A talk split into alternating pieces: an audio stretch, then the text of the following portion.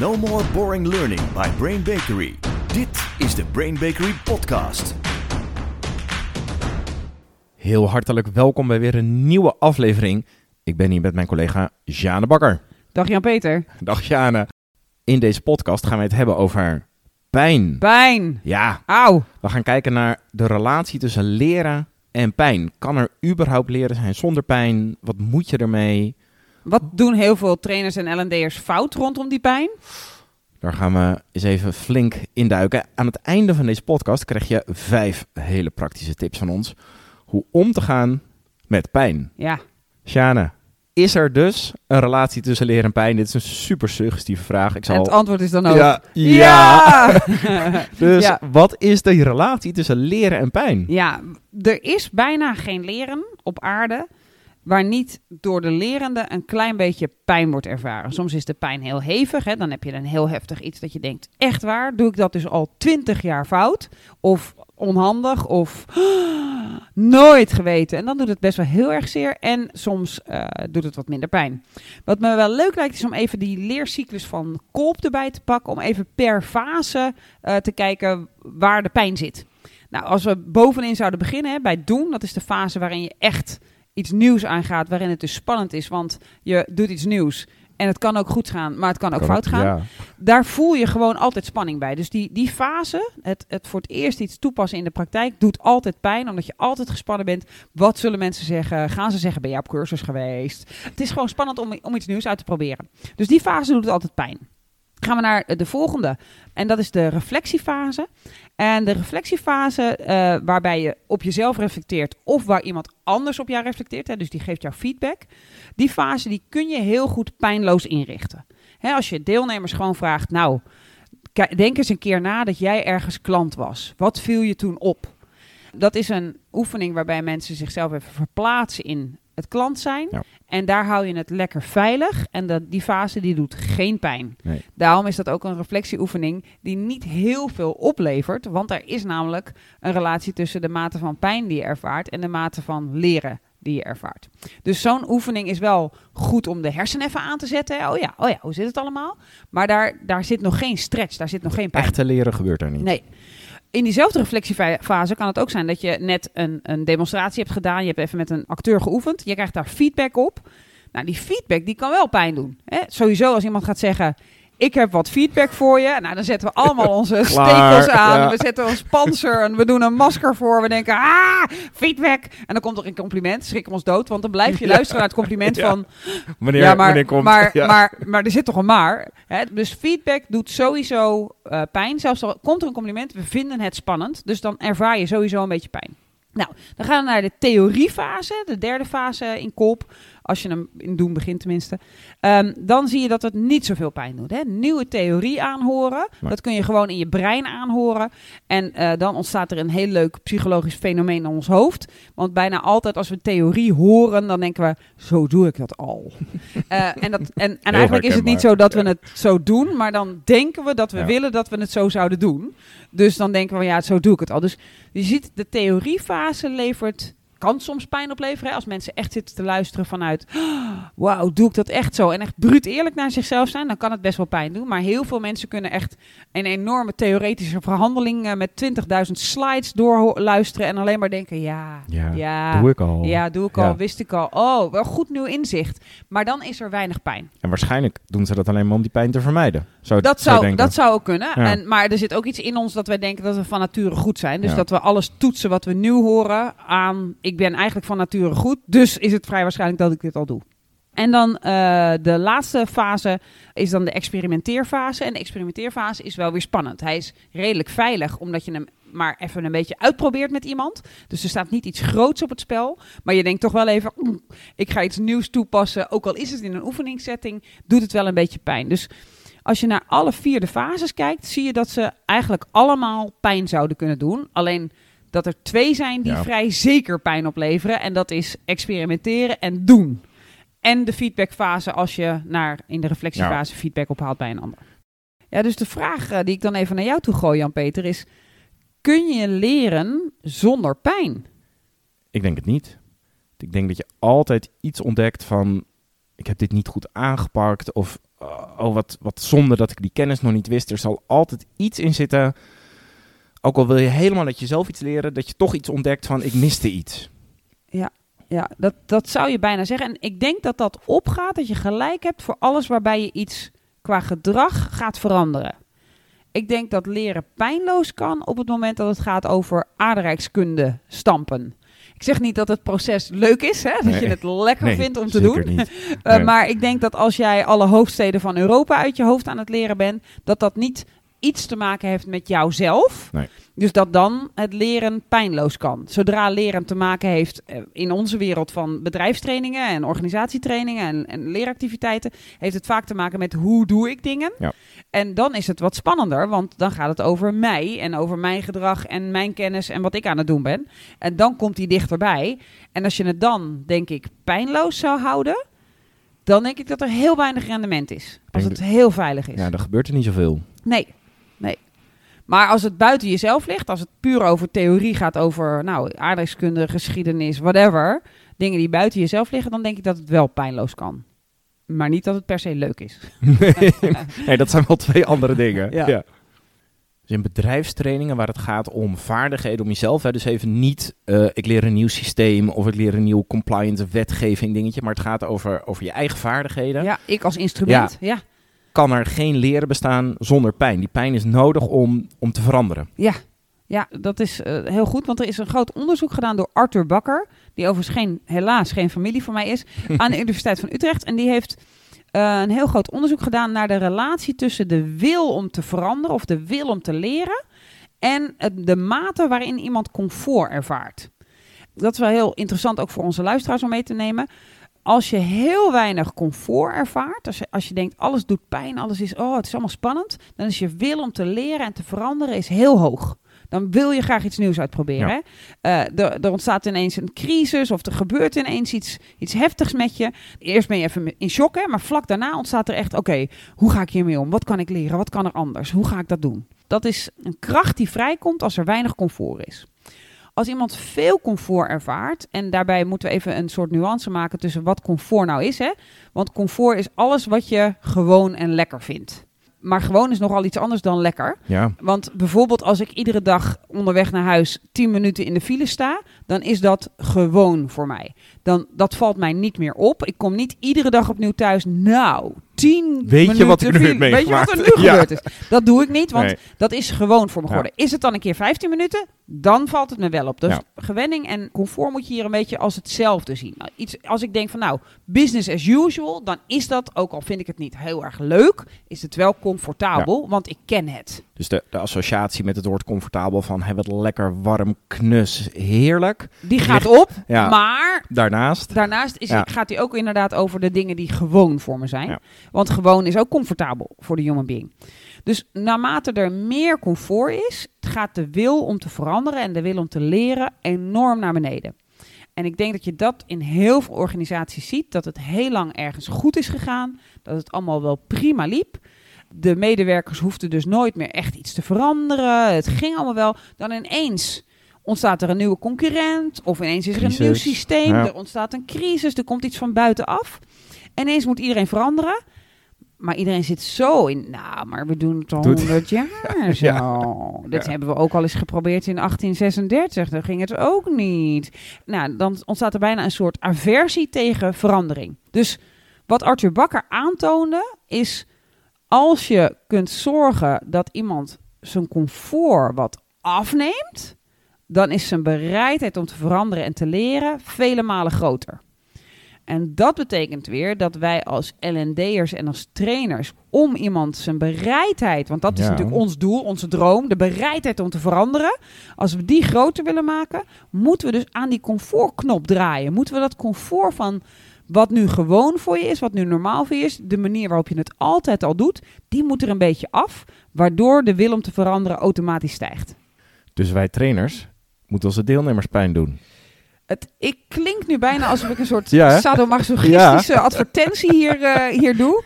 Eh, maar dat is het natuurlijk niet. Het gaat helemaal niet om fysieke pijn. Maar het, het gaat wel over, durf je het discomfort? Ja. durf je het, het oncomfortabel te maken voor je mensen in de training. Niet om ze te straffen, niet omdat jij het beter weet, niet dat, omdat jij op ze neerkijkt. Maar durf jij datgene eh, wat hun gewoonte is, wat voor hun normaal is, durf je dat ter discussie te stellen. Durf je een beetje te gaan voor de pijn.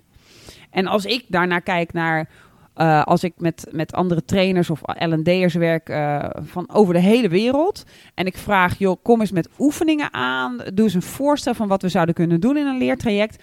Dan Ja. durf ik wel te beweren dat 9 van de 10 oefeningen een soort veilige reflectieoefening is. Een oefening waar geen pijn zit, waar het vrolijk is en waar het comfortabel is. En waar we wel nadenken en mooie nieuwe inzichten hebben, maar waar ik niet de reis naar binnen hoef te maken en even hoef te denken, hoe doe ik dat? En dat is best wel, best wel shocking, vind ik dat, om dat iedere keer weer opnieuw te ontdekken. En dan denk ik, ja, nu komen er echt geweldige oefeningen. En nu heb ik echt een geweldig iemand in Azië, die gaat met iets komen. Die is namelijk al 30 jaar trainer. Nou, nu komt er iets. En dan komt het toch Blijft heel toch vaak ja. eh, het veilige. Waardoor je niet die wil om te veranderen, die wil om te knallen, waardoor je die niet omhoog haalt. En eh, dat is wel shocking. Hoe denk jij dat dat komt, Jan-Peter? Hoe denk jij dat het komt dat veel, ve- in elk geval in mijn beleving, en, en misschien ook wel in de jouwe, veel trainers en L&D'ers het graag veilig houden in de training? Ik denk dat de soort biologische basisstructuur van hoe mensen in elkaar zitten hier het antwoord op is. Namelijk, we willen aardig gevonden worden. Ja. En voor ook trainers, trainers zijn empathische, mensgerichte mensen. Die staan er voor de groep, die zien die mensen... Dat zijn ook deelnemers misschien van klanten.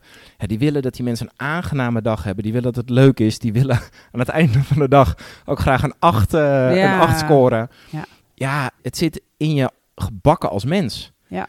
Om anderen niet pijn te willen doen. Ja. Maar het is wel nodig. Ik herken het ook heel erg van mezelf. Uit mijn Mhm. beginjaren als trainer. Ehm, als ik dan training gaf, vroeg ik heel vaak aan deelnemers hoe ze iets aanpakten in hun praktijk. Hoe ze iets deden. In plaats van het ze voor te laten doen. Ja, Waardoor zij natuurlijk konden antwoorden met... Ja, zoals jij dat hebt uitgelegd, zo doe ik dat. En Ja. ik, ik stel ook altijd de goede vragen. ja, En, en ik liet ze daarmee wegkomen. ja. Dus het waren van die reflectieve groepsgesprekken. En als ik dan toch een theorie erin wilde... doen, Nou, top dat je dat doet. Wat je ook nog kunt doen, is dit. ja.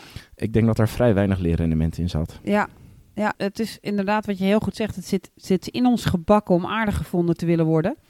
En ik denk dan altijd ook in discussie met, met andere trainers als het hierover gaat. Hè, hoe aardig ben je eigenlijk Ja. als je het dus heel veilig houdt? Ja.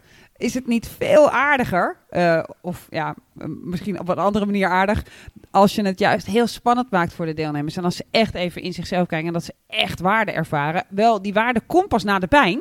Maar eh, is dat niet een veel mooiere Ja. waarde die je kunt creëren? Ik Ja. vergelijk het ook wel eens met opvoeden. Ja. Je kunt je kinderen eh, weg laten komen met ik heb geen zin in huiswerk of dit is moeilijk of wat dan ook. Maar wat leer je ze dan? Ja. Terwijl als je af en toe even zegt tegen ze nu even doorbijten, nu even door de pijn heen werken.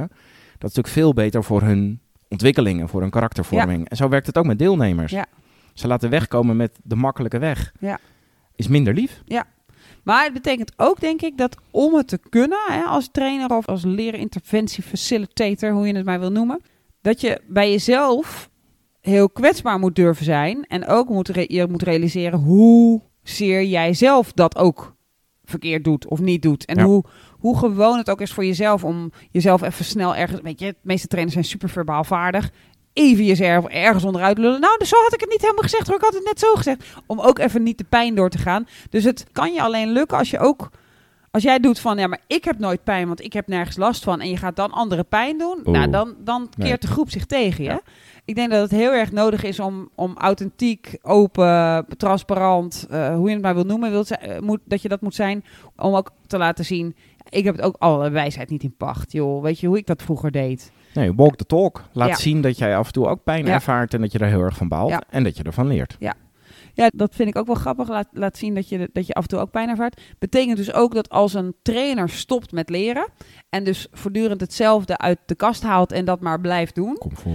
dan zit hij zelf ook in zijn comfort. Ja. En hoe kun je het dan maken om anderen uit hun comfort te halen? Dat is ook ja, misschien een beetje moralistisch, maar dat is ook wel een vraag die ik dan, eh, die ik dan wel eens aan ze stel. Van joh, wanneer heb jij voor het laatst een training gedaan waarin jij een officieel rollenspel moest doen en met de billen bloot ging voor een acteur? Oeh. Inderdaad, als trainer moet je zelf ook uit die comfortzone stappen. Mm. Over comfortzone gesproken, de twee onderzoekers uh, uit Amerika, Ryan en Markova, hebben beschreven al in 2006 drie zones waar Ja. je in kunt zitten. Uh, de een kennen we denk ik allemaal, is de comfortzone. Ja. Kennen we qua naam denk ik iedereen. En iedereen kent hem ook warm. van Ja. waar zit je het leven. Uh, je hebt ook de stretchzone. Ja. Daar ben je dus aan het leren, hè. dan maak je een stretch. En je hebt de paniekzone. Ja, dan slaat de stress toe en kun je ook niet meer leren. Nee. En zij zeggen uiteraard, uh, ja, om te leren moet je dus uit die comfortzone komen, die stretchzone in. Maar die paniekzone, ja, daar moet je natuurlijk niet in komen. Nee, en ik denk dat die theorie eh, op zich volledig klopt. Maar ik denk ook wel dat door zo te waarschuwen voor die paniekzone. Dat heel veel trainers hebben gedacht: oeh, ja, die Rustig paniekzone, Ja. dat durf ik ze niet aan te doen. Eh, laat, ik, laat ik dan toch maar een soort in de comfortzone blijven. Dus de stretchzone betekent echt wel even dat mensen even moeten slikken. Eh, maar er zijn, ze zijn ook hartstikke groot. Eh, ze voeden ook kinderen op. Ze, zijn ook, eh, ze hebben banen. Ze hebben misschien al een geliefde begraven. Deze mensen kunnen wel tegen een stootje. zeggen, ze kunnen wel wat hebben. Ja. Mij is het nog niet vaak gelukt om iemand echt in die paniekzone te krijgen. Dan moet je van goede huizen komen Precies, als trainer. precies. Dus- Ja. Dus die angst moeten we denk ik niet leidend maken. Ik denk dat het gaat inderdaad over uit de comfortzone in de stretchzone. Als het om leren gaat. Ja. Want je ziet nu ook wel dingen ontstaan. Daar moet ik dan altijd een beetje van braken in mijn mond. Dat mensen zeggen dat je nergens comfortzone moet hebben ongeveer. Je moet alles. De magic is out there. Comfortzone is niet goed. Ik denk dat je relatie, Ja. die heb je graag in de comfortzone. Als je daar zorgen hebt, good luck Ja. met... eh, Ik denk dat ik dan gelijk in de paniekzone zou zijn. De Gezondheid, gezondheid, ja, van je kinderen, gezondheid van jezelf. eh, die wil je graag in de comfortzone hebben. Zodra daar iets is, is je hele leven eh, staat op zijn kop. Dus eh, lekker heel veel gebieden in je leven in de comfortzone. Maar als het om leren gaat, eruit. Even de pijn in, even bijten. En dan iets nieuws ontdekken en iets nieuws uitproberen. Ja, en in mijn ervaring, leren doordat je eerst wat pijn hebt ervaren, is leren ook zoveel lekkerder. Het voelt wel als zo'n accomplishment in plaats van dat je denkt, ja, dat klinkt verstandig, wat een goed inzicht. Hier ga ik vast een keer wat mee doen. Ja, en dan heb je zo'n heel schrift vol met geweldige inzichten. Ja. Maar wat heb je nou gedaan? Ja. Heb je ook echt iets uitgeprobeerd? Ben je met de billen bloot gegaan? Ja. Goed, dan gaan we naar onze eh, vijf tips. Wat zijn nou van die simpele dingen die je kunt inbouwen in een training als je ontwerper bent of die je kunt doen in een training, waardoor het comfort bij je deelnemer wat afneemt, eh, waardoor hun bereidheid om te leren omhoog gaat, waardoor ze als het ware een soort naar voren leunen in je training en denken: oké, hier wil ik iets aan doen. Tell me more. Auw, dit doet even zeer. Dit moet even verholpen worden. Tip nummer 1 heeft te maken met David Kolp, waar we de podcast mee begonnen. Begin je training met een werkvorm, met een oefening bovenin de leercyclus van Kolp in doen. Dat betekent dat als mensen de training binnenkomen, gelijk beginnen met een gesprek voordoen, met een demonstratie van iets, zodat mensen meteen moeten laten zien, dit is hoe ik het aanpak. Waar jij als trainer feedback op kan geven, waar jij kan zien wat er niet lekker werkt. Juist, maak het gelijk spannend aan het begin van de training door direct iets te gaan toepassen. Tip nummer 2.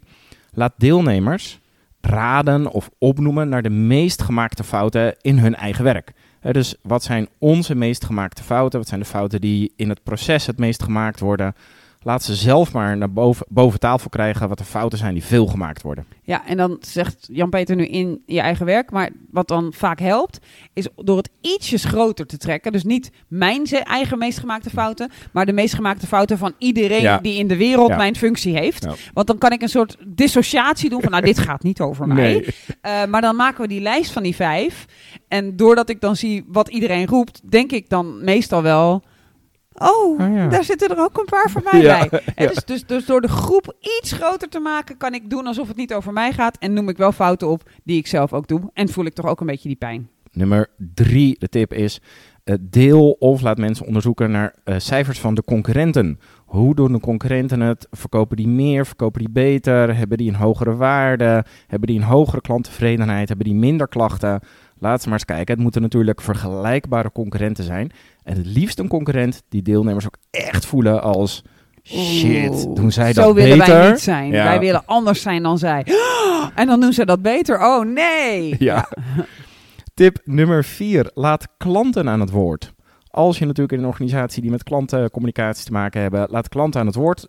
Dat kan fysiek zijn, dat kan via een video zijn, dat kan via een soort getuigenis zijn.